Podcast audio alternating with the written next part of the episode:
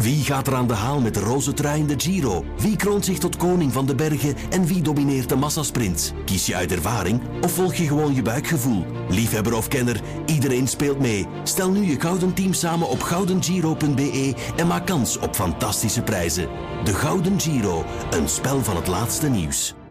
Elke dinsdag hoor je Lievenscheiren in de Q-ochtendshow bij Maarten en Dorothee. Hij kent alle antwoorden op de vaak complexe waarom-vragen die kinderen stellen. Waarom? Daarom. Dag Lieven, goedemorgen. Een goedemorgen. Ah, de lente is dit weekend begonnen. De sterrenkundige lente, inderdaad. Hè. Dus een, een heel specifieke positie van de aarde in haar baan rond de zon.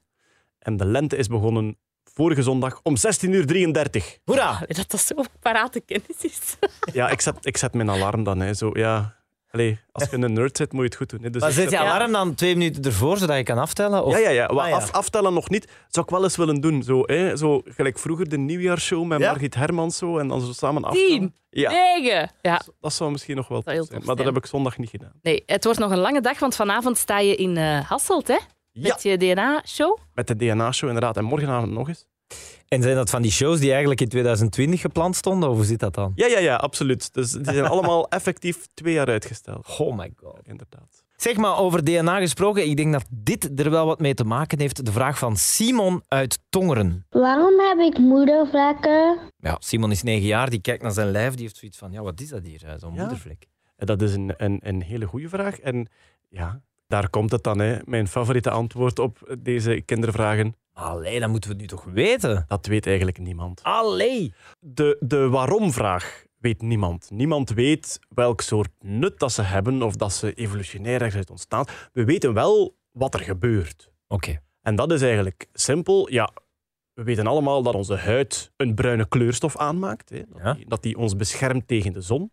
Er zijn mensen bij wie dat stuk is, die dus de- ja, ook wit haar hebben, Ja. Ehm, eh, albino, albinisme. En dan over heel de wereld zien we dat verschillende volkeren anders geëvolueerd zijn onder invloed van hoeveel zon er was in dat gebied, van hoeveel kleurstof dat je juist aanmaakt. Ja? De reden dat wij eh, in Europa steeds in de duizenden jaren evolutie steeds minder gaan aanmaken zijn, is omdat wij vitamine D nodig hadden. Ja. En er was hier zo weinig zon dat wij dat een beetje moesten doorlaten. De eh, Inuit in Noord-Amerika, die wonen ook in een donker gebied, maar die zijn wel donkerder van huid gebleven, omdat die gewoon in hun lichaam een ander vitamine C-productiesysteem gekregen hebben. Ah. Evolutionair, ja. Oké. Dus goed, we weten dat er in onze huid dat er eh, eh, celletjes zitten die melanine maken. Dat Ja. is dan die beschermende kleurstof.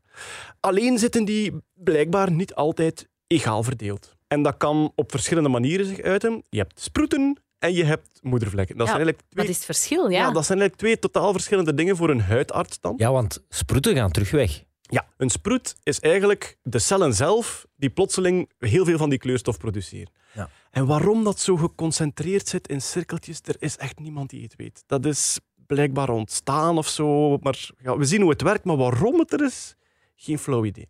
Maar een sproet, heel typisch, de huid blijft even vlak. Hè. En bij een moedervlek ga je zo'n bultje zien. Want wat er daar gebeurt is, bij een sproet heb je gewoon melanine-producerende cellen die heel veel produceren. En bij een moedervlek heb je heel veel van die cellen. Dus het, is, het zijn de cellen zelf die een soort bultje maken. Ah, ja. Dat is eigenlijk het verschil tussen de twee. Ja. Zijn moedervlekken gevaarlijk? Een sproet is nooit gevaarlijk. Een moedervlek kan je een beetje in de gaten houden. Waar moet je op letten bij een moedervlek? Ja, er zijn zo een paar regeltjes. Is de vorm mooi rond of onregelmatig? Een onregelmatige vorm is ja, Minder interessant. een beetje iets meer risico, maar ook, Ja. allee, ja, er moeten nog andere dingen gebeuren. Als de rand heel wazig overgaat in de rest van je huid, dat is ook een licht verhoogd risico. Is de kleur egaal? Als er, als er andere kleurtjes in zitten, soms zit er eh, rood of blauw in of dat soort dingen.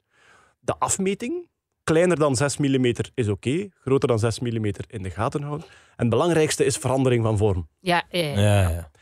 Nu, al die dingen eh, zijn geen aanwijzing om te panikeren. Dat is gewoon een aanwijzing om laat er eens naar kijken. Eén keer per jaar de vlekjes vergelijken met... Hey, misschien is dat een toffe, een toffe traditie. Vlekjesdag. Ja, op nieuwjaar. Vlekjesdag. Want het is vlekjesdag, vlekjesdag, vlekjesdag. Ja, ik zie het voor mij. Gaan we een ja. afspreken en dan Ja, echt, ja, zo, ja.